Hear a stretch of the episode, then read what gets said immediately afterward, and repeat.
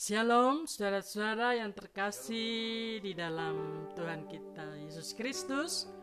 Pada hari ini tanggal 16 Oktober minggu ketiga Kita patut bersyukur masih diberi kesempatan untuk beribadah Dan tak lain menyembah dan memuji dia. Oleh sebab itu, kita mengawali ibadah ini dengan satu pujian Yesus Tuhan dan Allah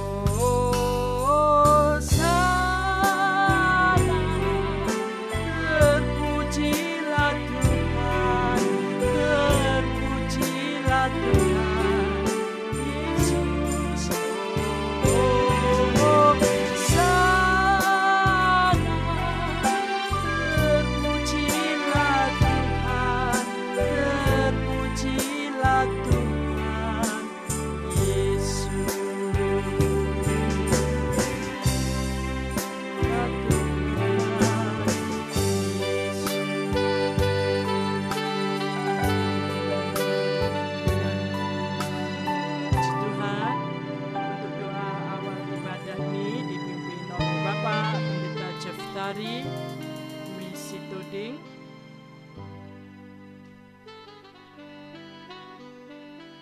Ya, jemaat Tuhan yang terkasih, di hari ini kita berbahagia. Marilah kita masuk di dalam ibadah kita kepada Tuhan kita Yesus Kristus. Ya Bapa, Allah kami di surga, dalam Tuhan Yesus Kristus dan dalam kuasa roh kudusmu, kami datang di hari ini berbakti dan memuji memuliakan namamu. Kami merendahkan hati, kami rindu akan kasih Tuhan. Kami rindu memandang hadirat Tuhan di hari ini. Biarlah roh kudusmu sungguh-sungguh melawat kami. Karena kami datang dengan penuh iman, datang dengan penuh kerinduan untuk memuji menyembah dikau, pemilik hidup ini. Tuhan Yesus terima kasih Turunlah anugerah dari surga atas kami. Berkat dari Tuhan Yesus Kristus menyertai kami dalam ibadah hari ini. Dalam nama Tuhan Yesus Kristus kami memulai ibadah ini. Haleluya. Amin. Ya. Haleluya, puji Tuhan oleh karena kemurahannya kita selalu dalam rancangannya yang indah oleh sebab itu kita angkat satu pujian lagi, kau hiasi kehidupanku.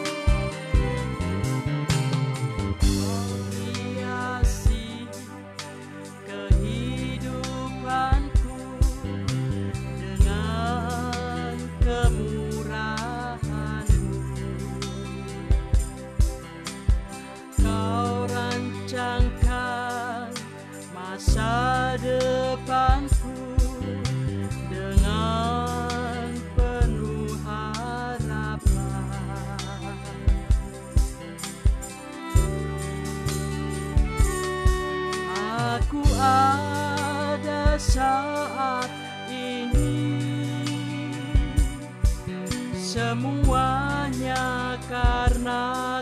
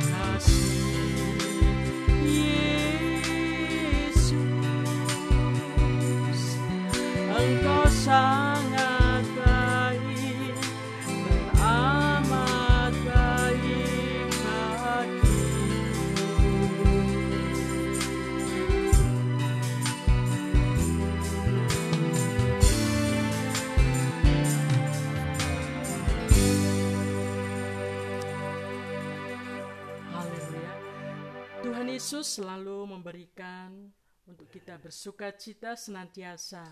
Ya, untuk itu kita nyanyikan lagi pujian, memuji dia senantiasa ya, saudara-saudara. Mari untuk itu kita saya minta untuk saudara-saudara bangkit berdiri. Kita nyanyikan ajarku berdiam.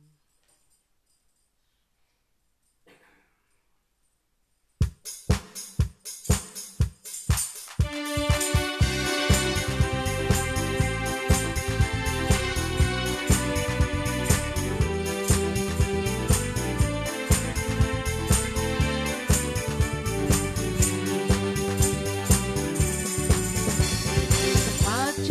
berdiam dekat di hatimu. Di saat ku berpaling temukan cintamu. Di sana kau menanti untuk bawaku lagi. Bersekutu dalam damai yang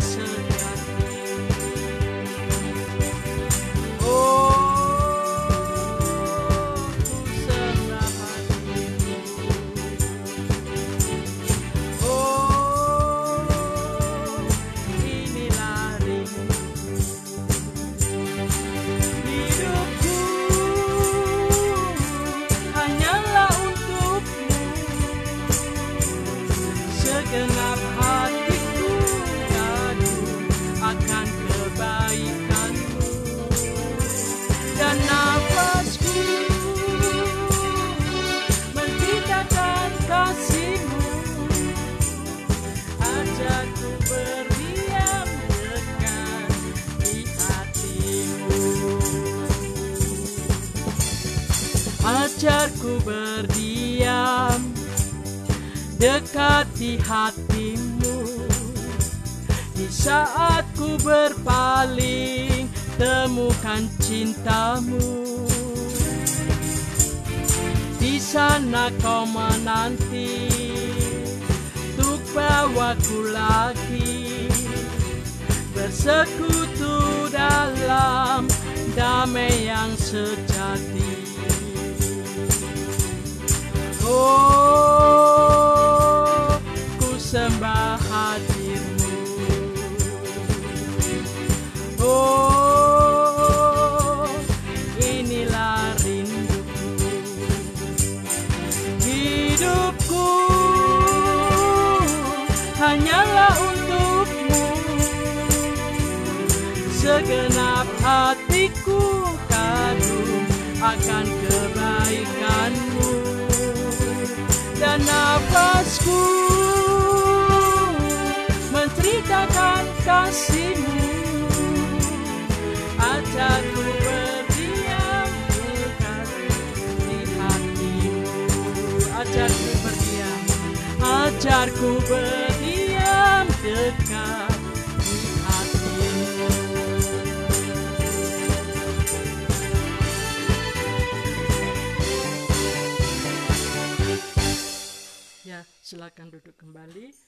Kita akan membaca firman Tuhan bersama-sama yang terambil di dalam kitab Yesaya pasal 42 ayat 1 hingga 22. Kita akan membacanya bersama-sama. Yeremia memperingati supaya jangan mengungsi ke Mesir. Kemudian datanglah semua perwira tentara, di antaranya Yohanan bin Karea dan Asarya bin Hosaya beserta seluruh rakyat dari yang kecil sampai kepada yang besar dan mereka berkata kepada Nabi Yeremia, biarlah kiranya permohonan kami sampai di hadapanmu. Berdoalah untuk kami kepada Tuhan Allahmu untuk seluruh sisa ini, sebab dari banyak orang hanya sedikit saja kami yang tinggal, seperti yang kau lihat dengan matamu sendiri. Semoga Tuhan Allahmu memberitahukan kepada kami jalan yang harus kami tempuh dan yang harus kami lakukan. Jawab Nabi Yeremia kepada mereka, permohonanmu sudah kudengar. Lihat, aku akan berdoa kepada Tuhan Allahmu seperti yang kamu minta itu dan segala firman yang diberi Tuhan sebagai jawab akan kuberitahukan kepadamu. Sepatah kata pun tidak akan kudiamkan kepadamu. Berkatalah mereka kepada Yeremia, biarlah Tuhan menjadi saksi yang benar dan yang dapat dipercaya terhadap kami. Jika kami tidak berbuat menurut segala firman yang disuruh Tuhan Allahmu, kau sampaikan kepada kami, maupun baik ataupun buruk, kami akan mendengarkan suara Tuhan Allah kita yang kepadanya kami mengutus engkau supaya keadaan kami baik. oleh karena kami mendengarkan suara Tuhan Allah kita. Sesudah sepuluh hari datanglah firman Tuhan kepada Yeremia. Lalu Yeremia memanggil Yohanan bin Karea dan semua perwira tentara yang ada bersama-sama dengan dia dan seluruh rakyat dari yang kecil sampai kepada yang besar. Berkatalah ia kepada mereka, Beginilah firman Tuhan Allah Israel kepadanya, Kamu telah mengutus aku untuk menyampaikan permohonanmu ke hadapannya. Jika kamu tinggal tetap di negeri ini, maka aku akan membangun dan tidak akan meruntuhkan kamu, akan membuat kamu tumbuh dan tidak akan mencabut kamu, sebab kamu menyesal telah mendatangkan malapetaka kepadamu. Janganlah takut kepada Raja Babel yang kamu takuti itu, janganlah takut kepadanya, demikianlah firman Tuhan Sebab aku menyertai kamu untuk menyelamatkan kamu dan untuk melepaskan kamu dari tangannya. Aku akan membuat kamu mendapat belas kasihan sehingga ia merasa belas kasihan kepadamu dan membiarkan kamu tinggal di tanahmu. Tetapi jika kamu tidak mau mendengarkan suara Tuhan Alamu dengan mengatakan, "Kami tidak mau tinggal di negeri ini," Sebab pikirmu tidak, kami mau pergi ke negeri Mesir, di mana kami tidak akan mengalami pertempuran, tidak akan mendengar bunyi sangkakala, dan tidak akan menderita kelaparan. Di sanalah kami akan tinggal. Maka dengarkanlah sekarang firman Tuhan, Hai sisa Yehuda, beginilah firman Tuhan semesta alam, Allah Israel, jika kamu sungguh-sungguh berniat hendak pergi ke Mesir, dan memang kamu pergi dan tinggal sebagai orang asing di sana, maka pedang yang kamu takuti itu akan menimpa kamu di negeri Mesir, dan kelaparan yang kamu gentarkan itu tidak putus-putusnya mengejar-ngejar kamu di Mesir, sampai kamu mati di sana. Semua orang yang berniat hendak pergi ke Mesir untuk tinggal sebagai orang asing di sana akan mati karena pedang kelaparan dan penyakit sampar. Seorang pun dari mereka tidak ada yang terlepas atau terluput dari malapetaka yang kudatangkan atas mereka. Sungguh, beginilah firman Tuhan semesta alam, Allah Israel, seperti tercurah murkaku dan kehangatan amaraku ke atas penduduk Yerusalem, Demikianlah akan tercurah kehangatan amarahku ke atas kamu apabila kamu pergi ke Mesir. Maka akan menjadi kutuk, kengerian, kutukan, dan aib. Kamu tidak akan melihat tempat ini lagi. Tuhan telah berfirman kepadamu, Hei sisa Yehuda, janganlah pergi ke Mesir, camkanlah sungguh-sungguh bahwa aku memperingatkan kamu pada hari ini kamu telah menipu dirimu dan membahayakan nyawamu. Ketika kamu mengutus aku kepada Tuhan Alamu dengan berkata, Berdoalah untuk kami kepada Tuhan.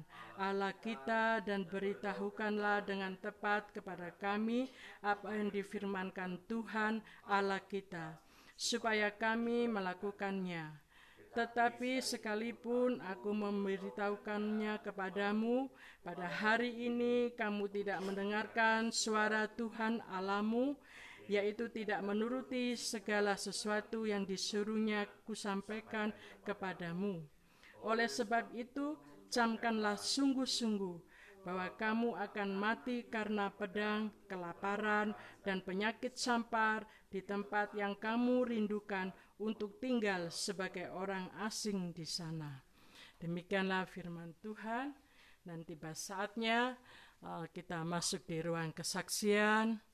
Di, mungkin di antara saudara-saudara yang ingin menyaksikan uh, cinta kasih Tuhan, uh, kami beri waktu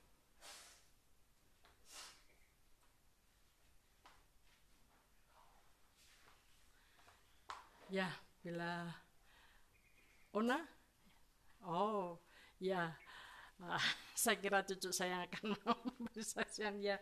Untuk itu uh, kita uh, sambut atau mengisi ruang kesaksian ini dengan satu pujian bahwa mujizat itu nyata. Memang benar janji-janji Tuhan itu ya dan amin. Kekal adanya sebab ia tetap memegang semua janji-janjinya untuk kita dan pertolongannya tak habis-habisnya. Ya, mujizat itu nyata.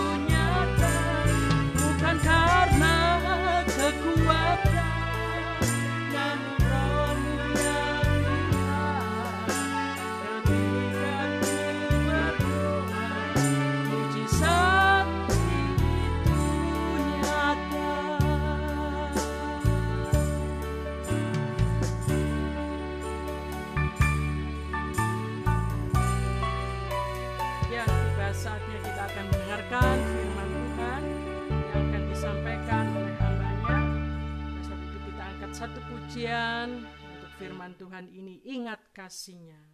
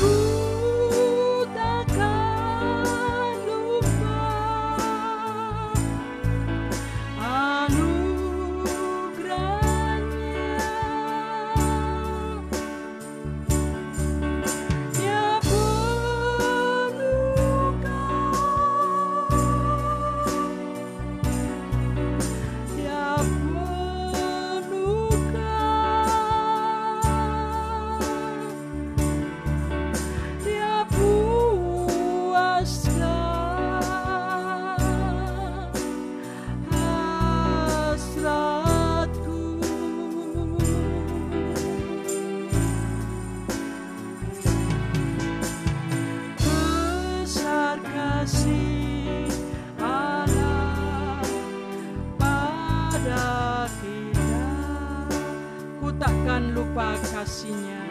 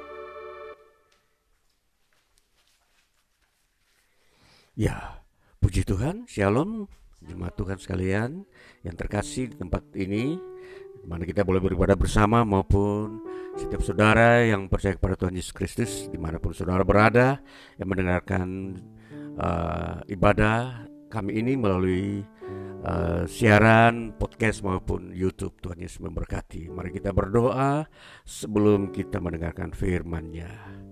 Tuhan Yesus Allah yang Maha Kudus, pemilik firman, pemilik hidup, pencipta langit dan bumi, yang mengampuni dosa kami umatmu, yang menganugerahkan berkat kehidupan, umur panjang, kekuatan, kesehatan, damai sejahtera.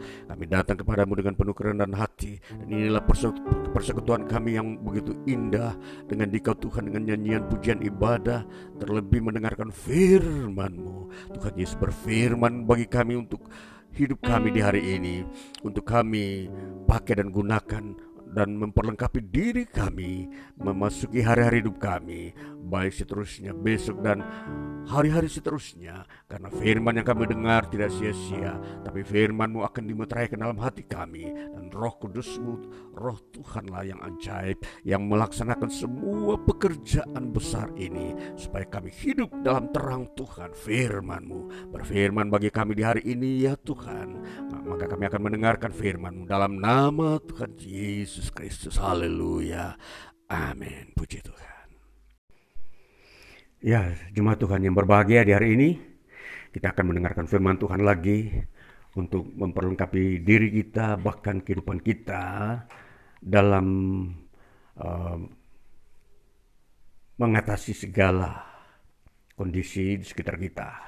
Itulah sebabnya firman Tuhan yang kita akan baca di hari ini terambil dari Injil Lukas pasal 12 ayat 13 hingga 21 bunyinya demikian orang kaya yang bodoh. Seorang dari orang banyak itu berkata kepada Yesus, "Guru, katakanlah kepada saudaraku supaya ia pergi." Maaf, ulang, sup, pada kepada saudaraku supaya ia berbagi warisan dengan aku. Tetapi Yesus berkata kepadanya, "Saudara, siapakah yang telah mengangkat aku menjadi hakim atau pengantara atas kamu?" Katanya, lagi kepada mereka, berjaga-jagalah dan waspadalah terhadap segala ketamakan. Sebab walaupun seorang berlimpah-limpah hartanya, hidupnya tidaklah tergantung daripada kekayaannya itu. Kemudian ia mengatakan kepada mereka suatu perumpamaan, katanya, ada seorang kaya, tanahnya berlimpah-limpah hasilnya. Ia bertanya dalam hatinya, apakah yang harus aku perbuat sebab aku tidak mempunyai tempat di mana aku dapat menyimpan hasil tanahku. Lalu katanya, inilah yang akan aku perbuat, aku akan merombak lumbung-lumbungku, dan aku akan mendirikan yang lebih besar, dan aku akan menyimpan di dalamnya segala gandum dan barang-barangku. Sesudah itu aku akan berkata kepada jiwaku, jiwaku ada padamu banyak barang tertimbun untuk bertahun-tahun lamanya. Beristirahatlah, makanlah, minumlah, dan bersenang-senanglah. Tetapi firman Allah kepadanya, Hai engkau orang bodoh, pada malam ini juga jiwamu akan diambil daripadamu, dan apa yang telah kau sediakan, untuk siapakah itu nanti? Demikianlah jadinya dengan orang yang mengumpulkan harta bagi dirinya sendiri, jikalau ia tidak kaya di hadapan Allah. Saya akan memberikan sambungan yang berikutnya dalam Injil Lukas pasal 18 dan kita akan mau memahami ada satu tema yang akan saya sampaikan bagi kita sekalian. Itulah sebabnya saya sambung dalam Injil Lukas pasal 18 maaf Injil Lukas pasal 19 ayat 1 hingga yang ke-10 bunyinya demikian. Sakeus. Yesus masuk ke kota Yeriko dan berjalan terus melintasi kota itu. Di situ ada seorang bernama Sakeus, kepala pemungut cukai, dan ia seorang yang kaya. Ia berusaha untuk melihat orang apakah Yesus itu. Tetapi ia tidak berhasil karena orang banyak, sebab badannya pendek maka berlarilah ia mendahului orang banyak, lalu memanjat pohon ara untuk melihat Yesus yang akan lewat di situ. Ketika Yesus sampai ke tempat itu, ia melihat ke atas dan berkata, Sakeus, segeralah turun, sebab hari ini aku harus menumpang di rumahmu. Lalu Sakeus segera turun dan menerima Yesus dengan sukacita. Tetapi semua orang yang melihat hal itu bersungut-sungut Katanya, ia menumpang di rumah orang berdosa. Tetapi Sakeus berdiri dan berkata kepada Tuhan, Tuhan, setengah dari milikku akan kuberikan kepada orang miskin, dan sekiranya ada sesuatu yang kuperas dari se seseorang, akan kukembalikan empat kali lipat. Kata Yesus kepadanya, hari ini telah terjadi keselamatan kepada rumah ini karena orang ini pun anak Abraham. Sebab anak manusia datang untuk mencari dan menyelamatkan yang hilang. Ya, demikian saudara-saudara. Hari ini kalau kita membaca dua perikop, dua judul daripada kitab Injil Lukas ini, maka di sini saya akan memberikan tema bagi kita adalah iman Kristen dalam perspektif. Ya, Sesuai dengan tema yang saya, saya sampaikan ini, saya bicarakan di tengah-tengah kita saudara-saudara yang percaya pada Yesus Kristus dan yang mau mendengarkan Injil Yesus Kristus. Di dalam tema ini dikatakan iman Kristen dalam perspektif. Ya, perspektif ini kita mau melihat ada, adalah sudut pandang. Nah, jadi kalau kita memperhatikan di dunia ini sudut pandang manusia itu sebenarnya hanya ada dua bagian atau dua uh, golongan atau dua aliran sudut pandang manusia. Nah, jadi kalau kita melihat sudah bacaan yang tadi, kita sudah bertemu dengan ada dua tokoh orang kaya yang memiliki uh, pandangannya berbeda-beda. Ya, orang kaya yang pertama dalam Injil Lukas pasal 12 mempunyai cara pandang yang pertama dia ingin mengumpulkan sebanyak-banyaknya kekayaan. Tetapi cara pandang yang kedua, perspektif yang kedua, ada orang kaya yang, yang bernama Sakeus. Dia tidak mau mengumpulkan kekayaannya, tetapi dia memberikan separuh dari kekayaannya kepada orang miskin. Nah inilah yang disebut perspektif. Dua orang sama-sama memiliki kekayaan, tetapi mempunyai sudut pandang yang berbeda. Nah ini yang kita mau bahas saudara-saudara. Injil Lukas adalah Injil yang ditulis oleh seorang yang bernama Lukas dia ini adalah uh, bagian daripada rekan uh, penginjilan bersama Rasul Paulus. Nah, Lukas ini dia seorang berprofesi seorang dokter atau tabib pada zaman mereka hidup atau era di mana abad-abad pertama itu. Dan di sinilah Lukas menulis Injil Yesus Kristus mengenai apa yang Yesus Kristus uh, sampaikan mengenai kerajaan Allah dengan uh, dipertentangkan dengan dunia ini.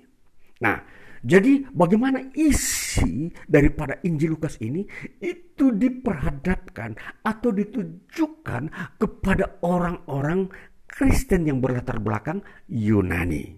Nah, jadi inilah yang kita mengerti Injil Lukas inilah yang sorotannya akan dibaca oleh orang-orang Yunani.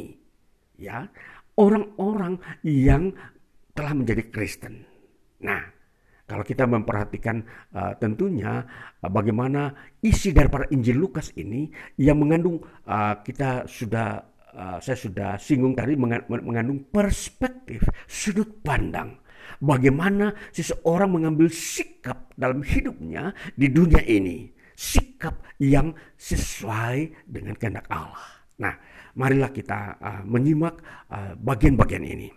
Saudara yang kekasih, kalau kita memperhatikan bahwa uh, bagian yang pertama Injil Lukas pasal 12, di sini ada seorang kaya yang tidak diketahui namanya. Ya. Dan uh, ini sebuah peristiwa bahwa ada orang yang kaya yang memiliki banyak tanah dan tanahnya itu memiliki hasil yang berlimpah-limpah. Nah, tentunya saudara-saudara, orang kaya yang ini, orang kaya ini, orang kaya ini sebenarnya dia jujur. Dia punya tanah subur dan banyak tanah. Dan tidak ada sesuatu yang salah menyangkut orang kaya ini. Karena dia hidup secara natural, secara alami, secara uh, realistis. Bahwa semua orang di muka bumi ini patutlah dia bekerja dan kalau ada hasilnya layaklah bagi dia untuk menikmati hasilnya. Dan kalau itu bertambah-tambah layaklah juga dia me menimbunnya atau menyimpannya atau mengamankannya untuk kehidupannya dia di masa-masa akan datang. Ini seorang yang begitu memiliki sudut pandang ekonomis. Seorang yang mempunyai uh, cara hidup yang hemat, yang baik. Nah, orang ini kalau hidup dalam dunia modern, dia tergolong adalah orang yang pandai. Dan kalau kita memperhatikan zaman sekarang orang modern, ya modelnya seperti ini. Semakin kaya, mereka pandai menyimpan kekayaannya. Itu tidak salah. Itu adalah uh, masuk di dalam akal sehat manusia. Jadi ini memang tidak salah. Injil pun tidak menyalahkan orang yang berperilaku seperti ini. Namun, di sini ada yang perlu dikoreksi oleh Yesus Kristus. Di mana Yesus Kristus menyampaikan hal ini kepada orang kaya ini. Pada ayat yang kita baca pada ayat yang uh, Lukas 12 ayat yang ketujuh. Kita baca dulu ayat yang ketujuh.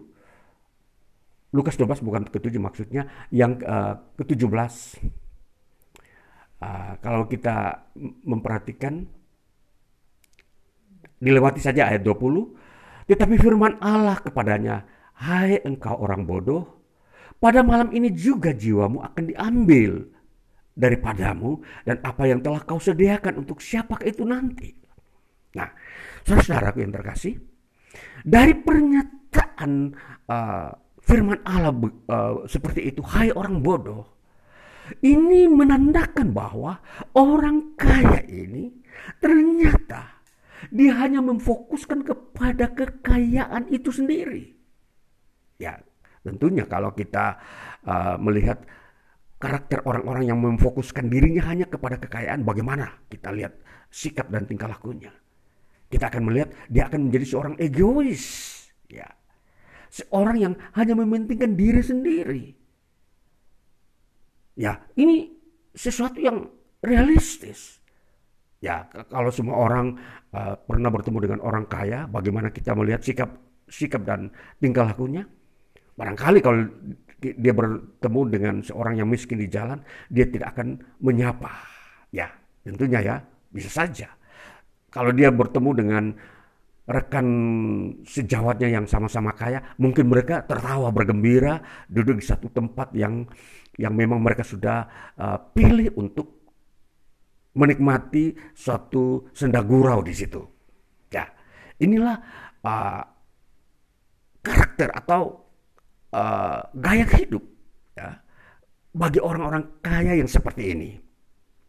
Nah, jadi kalau kita mau memperhatikan ini, di sinilah kita akan uh, melihat bahwa apa yang digunakan oleh orang kaya ini adalah dia hanya memakai gaya hidup untuk dirinya sendiri. Makanya Alkitab firman Allah berkata orang ini orang bodoh. Nah, nanti kita mau melihat kebodohannya di mana. Ya. Firman Allah berkata orang kaya yang seperti ini disebut bodoh. Nanti kita bandingkan dengan bacaan yang berikutnya. Di dalam Injil Lukas pasal 19 ayat yang pertama hingga yang ke-10 yang kita sudah baca tadi. Bagaimana itu dibandingkan dengan ada seorang pribadi yang kaya yang namanya disebut Sakeus. Nah, saudara, Sakeus ini pekerjaannya apa? Dia uh, pekerjaannya adalah sebagai kepala pemungut cukai. Ya, artinya kalau kita tahu pekerjaan itu sekarang adalah orang di uh, bea cukai ya, orang pemungut pajak ya. Kalau katakanlah uh, orang luar negeri masuk membawa barang dia harus kena pajak. Bahkan orang dalam negeri pun dia harus kena pajak. Nah, dia inilah yang mengumpulkan seluruh pajak, dia kepalanya. Nah, inilah uh, gambaran tentang seorang yang bernama Sakeus. Dan dikatakan dia juga seorang kaya. Nah, dari pekerjaannya ini, jabatannya yang dia uh, peroleh ini, dikatakan sebagai seorang yang kaya. Dibandingkan dengan seorang yang tadi yang punya tanah juga kaya. Sama-sama kaya. Tapi kita akan memperhatikan bagaimana Sakeus ini berperilaku sebagai orang yang pandai, bukan orang bodoh. Kita melihat bacaannya. Dikatakan ayat yang ke-8, dikatakan begini. Tetapi Sakeus berdiri dan berkata kepada Tuhan, Tuhan, setengah dari milikku akan kuberikan kepada orang miskin. Dan sekiranya ada sesuatu yang kuperas dari seseorang, akan kukembalikan empat kali lipat. Nah, ini saudara, ini yang disebut orang kaya yang pandai. Setengah dari kekayaannya akan diberikan kepada orang miskin. Saudara, mari kita mau memperhatikan bagaimana sudut pandang perspektif ini. Sehingga kita mau melihat bahwa bagaimana Injil memperlihatkan kepada manusia bahwa manakah orang yang pandai di hadapan Allah dan manakah orang yang bodoh di hadapan Allah. Dua hal ini yang ditampilkan oleh Injil, khususnya Injil Lukas. Nah, kalau kita memperhatikan Sakeus, kita melihat dari pribadinya dan namanya. Sakeus ini dia adalah seorang Ibrani. Kalau diperhatikan dari namanya, nama Sakeus ini kalau kita memperhatikan ini adalah nama dari hasil uh, perkawinan antara bahasa Ibrani dan bahasa Aram. Ya, jadi Sakeus ini sebenarnya eh, dalam uh, kata dasarnya adalah nama yang berambil dari bahasa Ibrani yaitu Sabadia. Zabadia itu artinya Tuhan itu kaya. Nah, kata Sabadia ini kemudian dia berubah menjadi Zakai. Nah, kemudian karena proses modernisasi lagi, Sakai ini berubah menjadi Sakarias. Lalu karena uh, perkembangan lagi uh, terjadi pergaulan bangsa-bangsa, maka Sak Sakaria ini berubah menjadi Sakeus.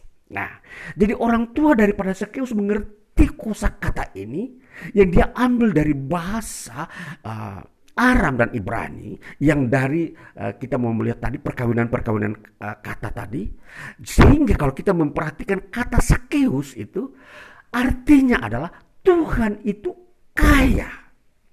Nah, jadi sesuai dengan namanya, nama Sakeus, nama arti nama dia adalah Tuhan itu kaya. Maka kalau Sakeus ini seorang kaya, ternyata kekayaannya dia dia persembahkan sebagiannya kepada orang miskin. Dan itu adalah kehendak Tuhan.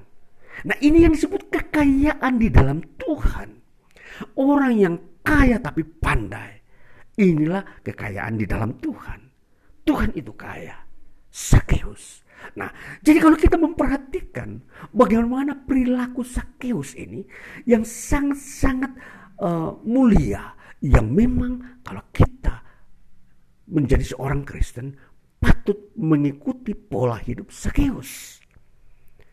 Saudara, di akhir zaman atau semakin berkembangnya dunia ini menuju kepada puncak-puncak modernisasi di mana ekonomi keuangan itu menjadi uh, perhatian utama seluruh bangsa-bangsa karena di sinilah uh, menjadi tolok ukur bagaimana, bagaimana suatu bangsa itu disebut uh, mengalami perkembangan, pertumbuhan ekonominya. Jadi kalau keuangannya itu uh, selalu surplus, itu berarti bahwa bangsa itu akan maju atau makmur. Nah, jadi kalau kita memperhatikan konsep modern ini tentang keuangan, maka tentunya kita akan uh, bisa uh, melihat bagaimana cara pandang Sakeus ini. Kita mengambil konsep-konsep bagaimana menggunakan keuangan itu tidak bisa dari konsep di luar. Karena konsep di luar Injil artinya mereka semua hanya bagaimana menggunakan kekayaan dan keuangannya untuk dirinya sendiri. Dan tentunya orang yang tidak kebagian yang disebut orang miskin orang yang mengalami uh, kejatuhan ekonomi mengalami musibah-musibah sehingga mendatangkan kemiskinan, ini mereka tidak perhatikan. Tetapi kalau konsep Kristen, maka seorang yang kaya di dalam Tuhan, dia tidak hanya untuk mementingkan diri sendiri. Dia katakan, separuh dari kekayaanku akan kuberikan kepada orang miskin. Saudara perhatikan, ini perspektif iman Kristen. Sudut pandang iman Kristen yang begitu mulia, yang sangat menentukan bagaimana mengatasi krisis ekonomi di akhir zaman dengan cara berbagi bukan hidup untuk diri sendiri. Jadi kalau berbagi itu adalah konsep Kristen, konsep Injil. Jadi iman Kristen dalam perspektif kehidupan di dunia ini, sudut pandang di dunia ini, dia berbagi. Tuhan itu kaya, maka Tuhan akan membagi-bagikan kekayaannya. Ini yang kita melihat uh, bagaimana iman Kristen itu mengajari umat manusia masuk ke dalam dunia kebersamaan. Seseorang jadi seorang percaya kepada Kristus boleh kaya. Dia di dalam jabatannya, dia bisa uh, apa namanya menerima jabatan atau pekerjaan seperti itu. Dia pun bisa menjadi seorang yang memiliki tanah yang banyak, yang seperti yang uh, orang pertama tadi. Hanya dia salah mengerti tentang kekayaan. Sudut pandangnya dia melihat kekayaan itu, dia melihat kekayaan itu sebagai yang utama dan yang tertinggi. Sedangkan si Sakeus ini melihat Tuhan sebagai sudut pandang yang tertinggi, bukan kekayaan. Nah, itulah sebabnya yang menyebabkan perbedaan karena adanya sudut pandang. Makanya disebut perspektif adalah sudut pandang.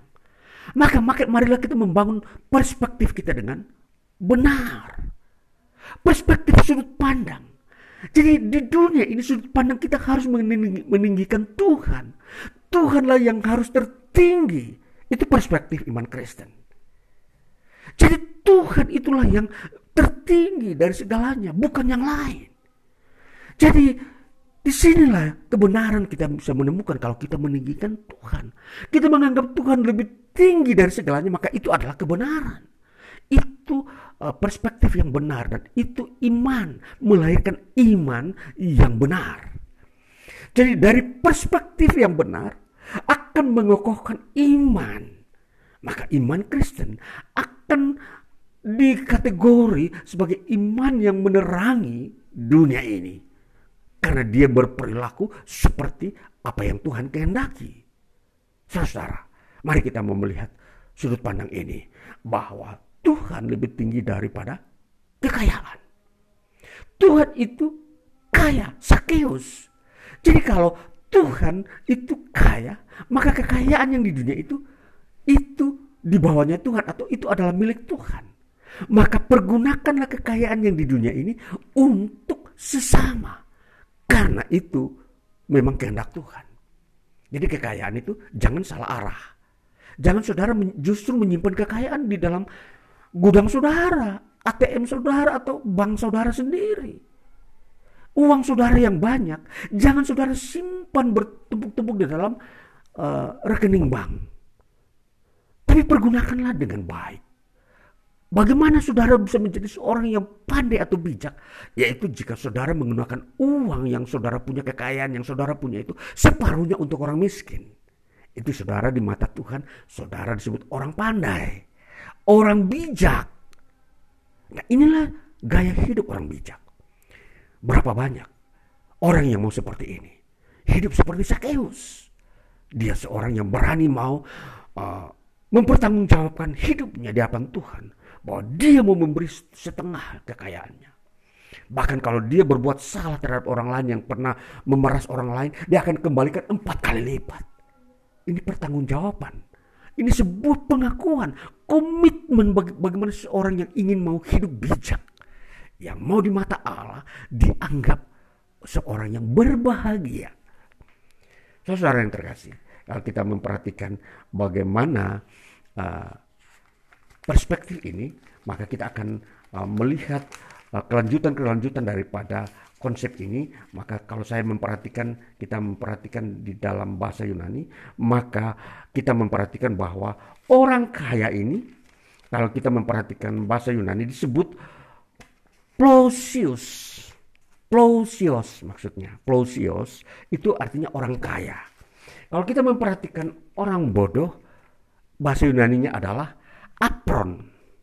Jadi kalau kita menerjemahkan dalam sebuah kalimat seperti begini, orang kaya yang bodoh, maka bahasa Yunaninya adalah to ploso, to apro. Itu orang kaya yang bodoh dalam bahasa Yunani. To ploso, to apro. Nah, jadi kalau kita uh, ingin ingin uh, masuk dalam sebuah istilah ini, maka kita uh, mungkin bisa mengingat supaya kita jangan menjadi orang kaya yang bodoh. To ploso, to apro. Jangan seperti itu. Nah, jadi saudara-saudara, kalau kita memperhatikan ini, maka kita sungguh-sungguh akan mendidik diri kita atau uh, membangun pribadi kita supaya kita boleh menjadi orang kaya, tapi orang kaya yang bijak. Ini sungguh uh, kita harus membawa perspektif ini dengan memasuki hidup di dunia ini.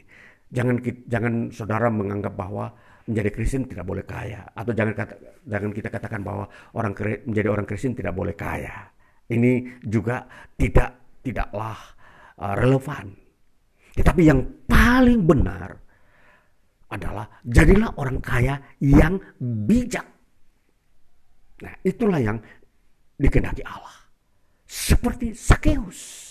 Nah, jadi kalau kita uh, melihat apa yang Tuhan maksudkan dari firman-Nya dalam Injil Lukas ini di bawah sorotan tema iman Kristen dalam perspektif itu berarti kita akan mau melihat bahwa pandanglah Tuhan di dunia ini supaya ketika engkau menjadi orang kaya engkau akan menjadi orang bijak. Janganlah pandang dunia ini. Karena kalau kau, kamu pandang dunia ini, ketika kamu menjadi orang kaya, kamu menjadi orang bodoh. Ini sebuah perspektif. Jadi kita melihat hal-hal ini bahwa sudut pandang kita inilah yang harus kita selalu uh, bentuk. Karena di dunia ini hanya ada dua sudut pandang. Kita mau pilih yang mana? Dunia atau Tuhan? Kalau kita pilih Tuhan, maka kita akan berada dalam satu perspektif yang seperti ini. Aku memandang Tuhan, maka ketika aku kaya, aku menjadi orang bijak. Tapi perspektif lain, yaitu dunia, kalau aku memandang dunia ini, maka ketika aku kaya, aku menjadi orang bodoh. Nah, inilah yang terjadi. Dan saudara-saudara, di sini kita mau menjernihkan pikiran kita, mau menambahkan dalam pikiran kita bahwa kita harus menjadi orang yang bijak. Saudara dan saya menimba ilmu pengetahuan di dunia ini, itu tujuan apa? Supaya kita menjadi orang bijak, pandai. Tapi ternyata kalau di dalam ilmu yang kita pelajari tidak ada pribadi Tuhan di dalamnya, maka kita akan menjadi orang bodoh. Walaupun kita mempunyai banyak ilmu pengetahuan. Kenapa?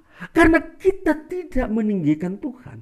Karena kita tidak mengedepankan Tuhan di dalam kepandaian kita. Kita menjadi seorang profesor. Kita menjadi seorang doktor. Tetapi kalau kita tidak meninggikan Tuhan, maka kita menjadi orang bodoh.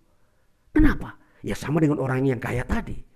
Yang memandang uh, dunia ini lebih tinggi dari Tuhan. Nah, iman Kristen mengajarkan kita supaya kita memandang Tuhan lebih tinggi dari dunia ini. Jadi engkau akan menjadi orang bijak.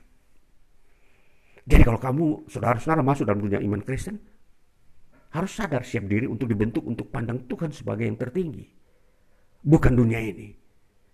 Jadi kalau ada orang yang tidak uh, bersesuaian dengan sudut pandang saudara, tentu akan berbeda. Mungkin itu saudara karib saudara, teman sahabat perkuliahan saudara yang menganggap dunia lebih tinggi dari Tuhan. Maka terjadi perbedaan perspektif. Dia akan menjadi orang bodoh. Dan saudara menjadi orang bijak. Dia akan mengumpulkan kekayaan sebanyak-banyaknya untuk dirinya sendiri. Saudara akan membagi-bagikan kekayaan terhadap orang lain. Setengah dari kekayaan saudara, saudara bagikan kepada orang miskin. Nah ini perspektif. Maka dari sinilah kita berangkat membangun masa depan kita dengan perspektif seperti ini. Bahwa Tuhan lebih tinggi. Tuhan lebih utama. Saudara boleh bekerja di mana saja. Tetapi di dalam diri saudara bahwa katakan bahwa Tuhanlah yang memberkati saya. Tuhan yang memberikan kekayaan kepada saya. Sakeus artinya Tuhan itu kaya. Jadi saudara bisa memberi nama kepada saudara Sakeus boleh. Sakeus, saya Sakeus ya. Ini sebuah uh, boleh kita kelakarkan nama saudara Sakeus artinya Tuhan itu kaya. Jadi pakailah perspektif yang baik dalam hidup saudara. Pakailah cara pandang yang bijak dalam diri saudara. Supaya hidup saudara tetap dihadirkan oleh Tuhan. Kita memperhatikan Tuhan Yesus menginap di rumah Sakeus. Tetapi ketika orang kaya yang baru tadi Tuhan berfirman kepada dia, malam ini juga engkau akan mati. Jadi sesuatu yang berbeda bertentangan. Tuhan ada di rumah Sakeus, tetapi di rumah orang yang bodoh tadi yang kaya itu dia malam ini juga akan diambil mati dan kekayaannya tidak bisa diperuntukkan untuk siapa-siapa lagi. Inilah perspektif. Jadi mari kita membangun, mencari perspektif yang unggul. Kita tidak bisa mengawinkan dua perspektif ini. Pasti ada pemisahan. Tuhan dan dunia ini tidak bisa dikawinkan. Tuhan itu perspektif perspektifnya sendiri, dunia perspektifnya sendiri. Jadi kalau saudara Kristen tetapi bergaya hidup duniawi, tidak membagi-bagikan kekayaan saudara, saudara bukan menganut perspektif Tuhan. Jadi mengertilah perspektif dengan baik. Jangan saudara mencampur adukan perspektif yang yang sesungguhnya tidak perlu dicampur. Saudara Kristen tetapi memakai perspektif, perspektif duniawi yang sudah terlihat. Jadi kembalilah, perbarui perspektif saudara. Kalau saudara percaya kepada Kristus, perspektif saudara seperti Sakeus. Suka membagi-bagikan kekayaan saudara. Jadi bukan untuk diri sendiri. Inilah yang menjadi perspektif saudara. Jangan simpan-simpan kekayaan saudara untuk diri sendiri. Siapa yang mau gunakan setelah saudara? Saudara berpikir untuk saya bisa tenang, untuk disimpan bertahun-tahun supaya ketika krisis datang saya tidak krisis. Saudara akan diambil malam ini juga. Kalau saudara berpikir seperti orang kaya yang bodoh. Saudara-saudara yang terkasih. Di era-era ini kita harus selalu menjernihkan pikiran kita. Jangan kita terbawa arus oleh modernisasi. Yang era sekarang ini sering kali diputar balikan menjadi postmodernisme. Postmodernisme artinya orang yang membalikkan fakta-fakta. Yang benar dijadikan salah, yang salah dijadikan benar. Ini keterbalikan. Jangan saudara Kristen mengambil gaya hidup duniawi, perspektif yang bodoh. Tetapi tidak akan mungkin orang bodoh mengambil perspektif Kristiani. Dia seorang yang yang hanya mementingkan diri sendiri, tidak akan mungkin dalam sekejap mata dia membagi-bagikan kekayaannya. Kalau bukan suatu karya Tuhan dalam mengampuni dosanya. Jadi pengampunan dosa membawa seseorang berubah dalam perspektifnya. Ketika dia mengalami pengampunan dosa, maka seluruh alam pikirannya dan seluruh kekayaannya akan juga dipersembahkan kepada Tuhan, yaitu melalui kepada orang-orang miskin yang ada di dunia ini. Saudara yang terkasih, di dunia ini, selama dunia ini ada, tidak pernah habis-habisnya orang miskin. Jadi saudara-saudara, kalau saudara sudah membagikan kepada orang miskin, bukan berarti orang miskin itu lenyap. Tidak. Tetapi Tuhan mau membangun perilaku saudara bahwa mengasihi sesama manusia itu adalah sikap hidup menghormati Tuhan. Walaupun saudara membagi kekayaan saudara setengah, setengah dari kekayaan saudara kepada orang miskin. Orang miskin belum tentu dikatakan mereka langsung tidak miskin. Bukan itu yang menjadi sorotan. Tapi yang menjadi sorotan bahwa saudara tidak mencintai kekayaan itu. Saudara mencintai Tuhan. Itu yang menjadi perspektif. Jadi di sini kita harus membangun, mengerti bagaimana nilai-nilai yang ada di hidup kita ini ditempatkan pada tempatnya yang sebenarnya. Jadi saudara mengasihi orang miskin bukan berarti saudara itu uh, mau merubah orang miskin menjadi kaya. Tidak. Tapi saudara justru mengasihi Tuhan dan sesama. Itu perspektifnya. Jadi perspektif, Kristen adalah adalah bagaimana mengembangkan nilai cinta kepada Tuhan dan cinta kepada sesama. Itu yang harus menjadi gaya hidup. Saudara yang terkasih, dari hal ini kita mau dunia iman kita, dunia kekristenan kita akan tetap uh, akan terus uh, dibakar oleh uh, kuasa Tuhan untuk terus menjadi uh, terang, menjadi pembaharu di dunia ini. Dan Tuhan hadir di dunia ini sebenarnya dengan tujuan utama membaharui umat manusia. Supaya lebih baik sesuai dengan hakikatnya sebagai ciptaannya Tuhan. Nah ini saudara-saudaraku yang terkasih, bagian firman Tuhan di hari ini untuk kita supaya kita lebih lagi cemerlang di dalam hidup iman kita dan kita sungguh-sungguh mengerti kenapa kita menjadi orang Kristen. Kenapa kita uh, harus percaya kepada Kristus Yesus. Karena kita akan dituntun Tuhan kepada kekayaannya. Menjadi seorang pribadi seperti Sakeus. Kita tidak akan dibiarkan Tuhan untuk menjadi orang miskin. Kekayaan supaya kita menjangkau dunia yang miskin. Agar dunia yang miskin ini menjadi sama seperti kita. Diberkati Tuhan.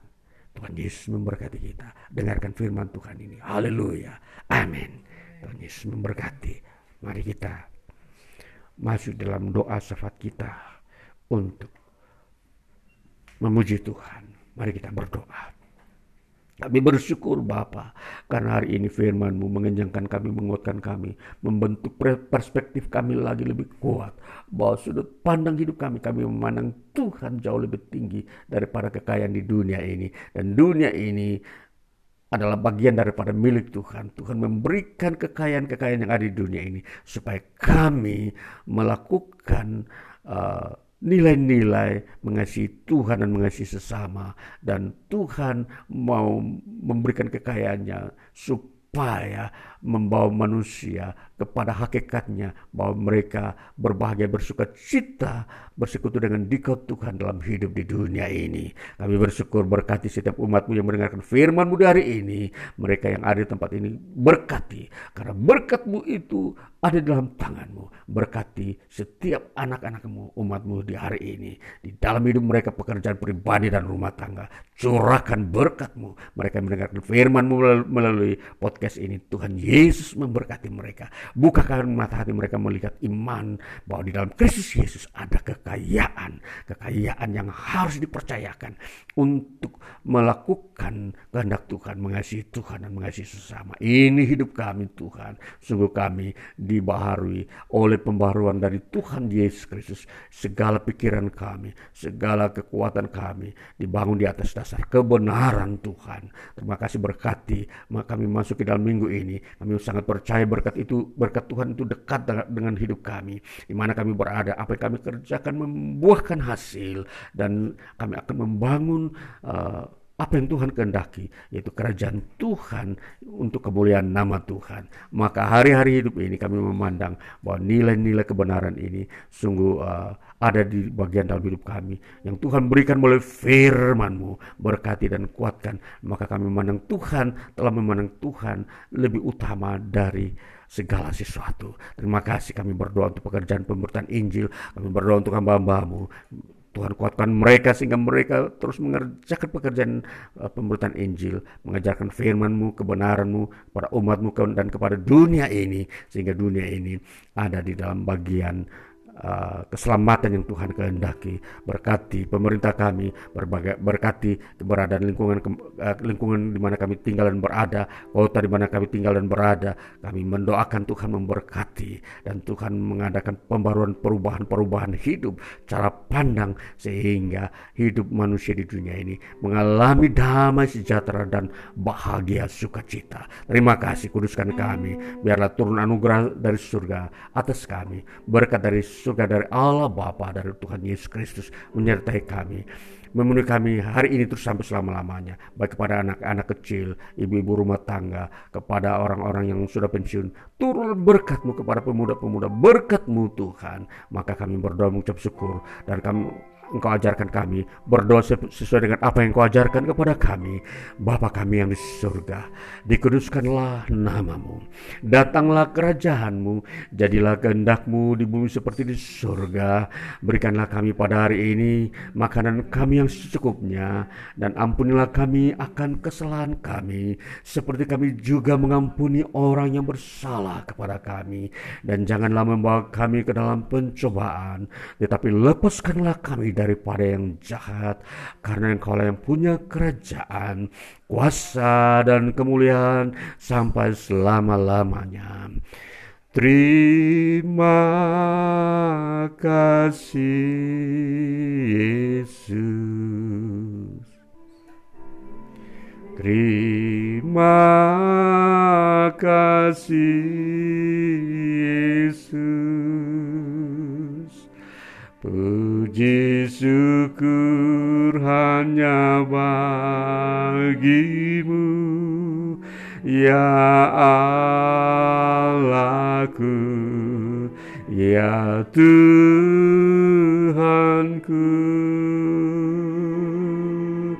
Terima kasih Yesus